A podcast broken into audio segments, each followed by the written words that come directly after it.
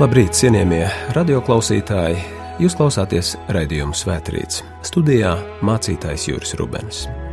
Šī rīta pārdomā mēs uzklausīsim svēto rakstu vārdus, kurus mēs lasām Mateja evaņģēlīja 12. nodaļā. Tad pie Jēzus vērsās raksturmācītāji un farizēji. Tie sacīja: Skolotāji, mēs vēlamies no tevis redzēt kādu zīmi. Jēzus tiem atbildēja: Ļauns un netikls dzimums meklē zīmi bet tam netiks dota cita zīme, kā vien pravieša Jonas zīme. Tāpat kā Jona trīs dienas un trīs naktis bija milzu zivu svēderā, tāpat arī cilvēka dēls trīs dienas un trīs naktis būs zemes sirdī. Āmen!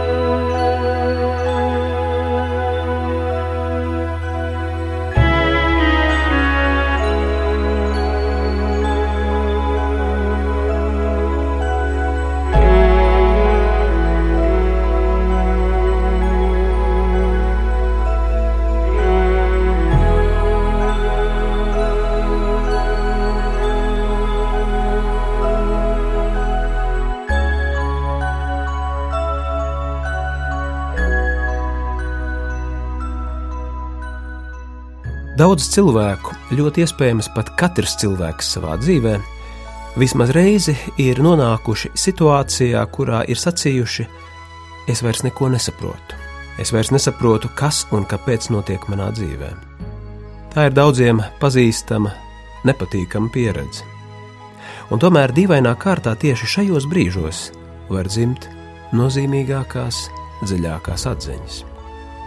Mateja evaņģēlijā Pharizēji Jēzum jautā: parādi mums kādu zīmi, pierādi, ka tu esi Dieva sūtīts, ka caur tevi runā Dievs.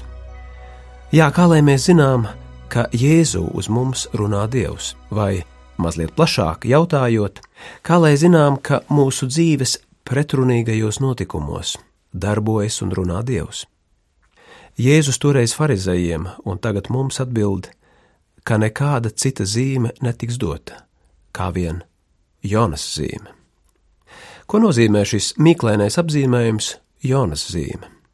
Vecajā derībā varam izlasīt pāris lapas pušu plāno pravieša Jonas grāmatu, kurā vēstīts par kādu cilvēku Jonu, kam Dievs liek doties uz to laiku lielāko kultūras centru Ninīvi un pasludināt tās iedzīvotājiem, ja tie nemainīs savu kļūdaino dzīvi, visa pilsēta ies bojā.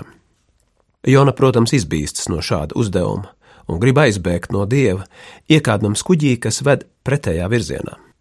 Taču kuģis nonāk milzu vētrā, un kuģa komanda, nojausdama, ka šī vētra ir kaut kā saistīta ar Jonu, pārmet viņu pāri bortam.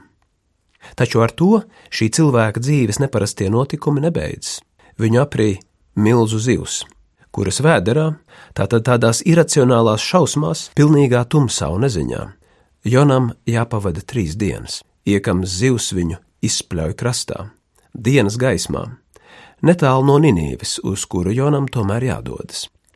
Viņam jāpieņem savas dzīves neparastais uzdevums, savas dzīves apslēptā jēga, kas izrādās ļoti dziļi savīta ar citu, viņam pilnīgi nepazīstamu cilvēku dzīvēm.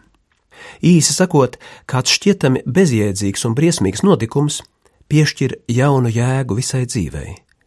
Bet, protams, Jona to saprot tikai vēlāk, tikai vēlāk. Pirms tam ir bailes, izmisums, tumsa, neziņa, šausmas, jautājumi, kāpēc, par ko. Pirms tam šķiet, mana dzīve iet bojā briesmīgu un nesaprotamu notikumu virpulī, kurā vismazāk iespējams nojaust kādu dieva nodomu. Droši vien daudzi cilvēki ir pieredzējuši tik dziļu izmisumu, ka to vislabāk var izsacīt šis tēls. Tu jūties it kā tumšā briesmoņa vēderā, neskaidrībā, izmisumā, nezinot, kurp viss notiekošais mani ved. Jonas zīme vēsta par cilvēka likteni, kas cauri izmisumam un neziņai piedzīvo lielāko dzīves pagriezienu, tik lielu, ka Jēzus to salīdzina ar sev priekšā stāvošo nāvi un augšām celšanos. Tas ir kā mirt un augšām celties. Jona šķērso tumsas pilnu, nesaprotamu izmisumu brīdi. Taču šī brīža atslēga ir tā, ka Jona tur tumšajā zivs vēderā sarunājas ar Dievu. Tur notiek saruna, kas izrādās nav varējusi notikt nevienos citos apstākļos. Tāpēc tur dzimst pilnīgi jauna izpratne par dzīvi, un šī baigā pieredze pārvēršas par Jonas dzīves pašu nozīmīgāko notikumu. Lai aprakstītu šo pieredzi, kopš viduslaikiem tiek lietots jēdziens dvēseles vai dzīves tumšā nakts. Dvēseles tumšā nakts ir situācija, kad tu vairs neko neredzi, neko nekontrolē, neko nesaproti, neko nezini. Bet tieši tāpēc beidzot var notikt pats lielākais. Parasti runājot par dzīves tumšo nakti, domājam nelaimes un sāpīgas pieredzes. Mēs zinām, ka neviens cilvēks no tādām nav pasargāts. Taču vai neesat pamanījuši, ka dziļāk ielūkojoties savas dzīves notikumos, aizvien grūtāk paliek izskaidrot starpību starp notikumiem, kurus saucam par labiem, un tos, kurus saucam par sliktiem. Jo daudzi notikumi, kurus no viena skata punkta pavisam noteikti varētu saukt par sliktiem, pēc īsāka vai garāka laika, raugoties no cita skatu punkta, atklājas kā labi, noderīgi un būtisku pieredzi dodoši. Es domāju, ka katrs cilvēks atradīs līdzīgu pieredzi savā dzīvē. Protams, šāda nezināšana par to, kas īsti notiek manā dzīvē, nespēja novērtēt savas dzīves notikumus. Daudzu cilvēku izpratnē pati par sevi liksies kā slikta lieta. Tikt konfrontētam ar dzīves noslēpumaino, manis nekontrolējamo pusi, pirmajā brīdī var likties ļoti uztraucoši, taču ar laiku tajā atrodam neizmērojamu mierinājumu. Es pakāpeniski mācos sadzīvot ar to savas dzīves daļu, par ko neko nav iespējams zināt. To var tikai piedzīvot. Es mācos uzticēties savai dieva dotajai dzīvei un tās mācību stundām. Viens no dzīves nakts lielajiem ieguvumiem ir atziņa, ka es pats nespēju kontrolēt savu dzīvi. Tā, protams, nav vienkārša atziņa. Īpaši aktīviem cilvēkiem, kas uzskata, ka viņi ne tikai var dzīvi kontrolēt, bet ka viņiem tā ir jākontrolē. Tieši tāpēc dzīves tumšās nakts pieredze ir tik vajadzīga, jo tā mūs dara brīvus no mūsu ilūzijām. Savā veidā dvēseles nakts notiek katra cilvēka dzīvēm. Svarīgi zināt, ka tā ir kas daudz vairāk nekā vienkārši nelaime. Tā ir dziļa pārmaiņa, kustība pretī neaprakstāmai brīvībai un priekam. Jāceļš no nāves uz augšām celšanos. Tāpēc to sauc par dvēseles tumšo nakti, jo šis vārds izsaka mūsu esības apslēpto, nezināmo, mums neredzamo pusi. Līdzīgi kā naktī ir grūti saskatīt lietas, arī dziļākās norises attiecībās starp dievu un cilvēku mūsu parastajai dienas apziņai ir apslēptas. Viduslaiku spāņu mistiķa Krusta Jāņa izpratnē šī tumsa ir nevis kas ļauns, jo vārds tumsa mums parasti ar to asociējas, bet kas svēts un bijājams. Jānis saka, ka dvēseles nakts ir laimīga, priecīga, ceļu rādoša, absolūtas žēlastības pilna. Tas ir slepenais apslēptais ceļš, kurā Dievs ne tikai mūs atbrīvo no atkarībām, bet arī ved mūs pie mūsu patiesās būtības. Krusta Jānis savā dzējā to apraksta šādos vārdos: Ak, ceļa rādītāja nakts, ak, nakts daudz mīļāka par dienu, ak, nakts, kas vieno mīlētāju ar mīlēto, pārvēršot mīlēto mīlētājām. Mūsu dzīves un dvēseles pārmaiņas vienmēr notiek mums apslēptā veidā. Mēs nekad nezinām, kā. Tumšā nakts trenē uzticēšanos dievam, jo, ja garīgās lietās domājam, ka paši zinām, kur piet, tā visbiežāk ir zīme, ka maldāmies. Dieva tumšā nakts ļauj mums izlausties no mūsu pašu radīto priekšstatu cietuma. Tāpēc tumšā nakts, kā Jānis no Krusta saka, var būt ceļa rādītāja, un tāpēc tā var būt mīļāka nekā diena. Dažas lietas Dievs var cilvēkam iedot tikai apslēptībā. Dažas pārmaiņas mūsos var notikt tikai tāpēc, ka mēs savu dzīvi nekontrolējam, jo pretējā gadījumā mēs tās apstādinātu un nepieļautu. Tas nozīmē, ka mūsu dzīves nesaprotamā, tā saucamā tumšā daļa ir mūsu pašu interesēs, un tikai pateicoties tai, mūsu dzīvē var notikt tas, ko Dievs vēlas mums iedot. Taču maksa par to nozīmē laiku pa laikam nonākt situācijās, kurās izsaucamies: Es vairs neko nesaprotu. Mēs dzīvojam laikmetā, kurā mums iestāstīts, ka noslēpumi pastāv tikai tādēļ, lai tiktu atrisināti. Tāpēc daudzu cilvēku izpratnē noslēpums ir savā ziņā ienaidnieks. Nezināšana šķiet kā vājums. Taču dvēseles nakts mūs māca kļūt kā bērniem. Bērniem, kas draudzējas ar noslēpumu un galu galā tajā iemīlas. Un šajā mīlestībā es atklāju pieaugošu brīvību būt tam, kas esmu, būt personai, kas alaži ir tapšanā un tāpēc nekad nav definējama līdz galam. Tumšā nakts, jeb kā to dažkārt sauc svētā nezināšana, ir ceļš uz pilnīgu brīvību. Protams, atraisīšanās no vecajiem dzīves ceļiem ir sāpīga, dažkārt šķiet pat iznīcinoša. Sākumā tā gandrīz vienmēr izskatās šausmīgi, tikai noslēgumā, dažkārt pēc daudziem gadiem, mēs atskārstam, ka tā darbojusies mūsu labā. Varam saprast, kāpēc uz jautājumu pēc zīmes, vai dzīvē ir jēga, vai Dievs ir klātesošs arī manā dzīvē, Jēzus atbild: Nekāda cita zīme netiks dota, kā vien Jonas zīme.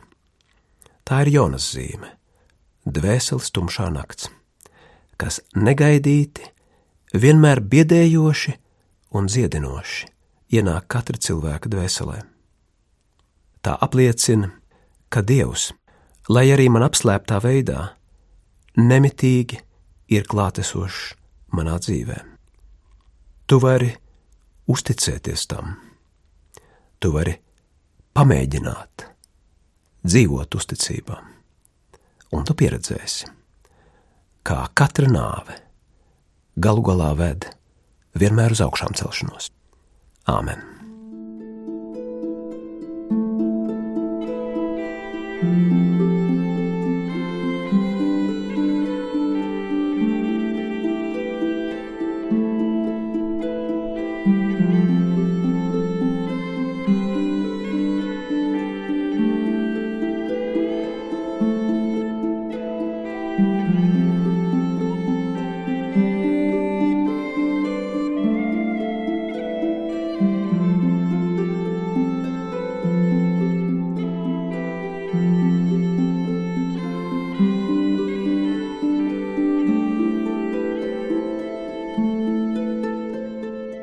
Mēs Tev pateicamies, debesu Tēvs, par mūsu dzīves redzamo un arī neredzamo pusi.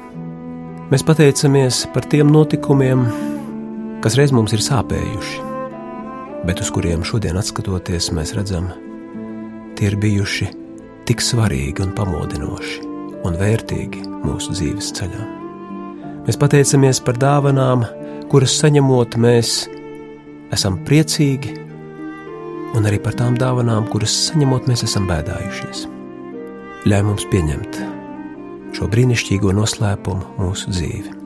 Ļauj uzticēties tās gaišajai, redzamajai un neredzamajai tumšajai pusē, un ļauj pieredzēt, kā šis ceļš, tava klātbūtne, mūs ved cauri visām nāvēm, pretī augšām celšanās mirklim caur tavu dēlu Jēzu Kristu, mūsu kungu, kura vārdā mēs lūdzam. Mūsu Tēvs debesīs, svētīts lai top tavs vārds, lai nāk tava valstība, tavs prāts, lai notiek kā debesīs, tā arī virs zemes. Mūsu dienascho maizi dod mums šodien, un piedod mums mūsu parādus, kā arī mēs piedodam saviem parādniekiem. Un neieved mūsu kārdināšanā, bet atpestī mūs no ļauna jo tev pieder valstība, spēks un gods mūžīgi mūžos. Āmen!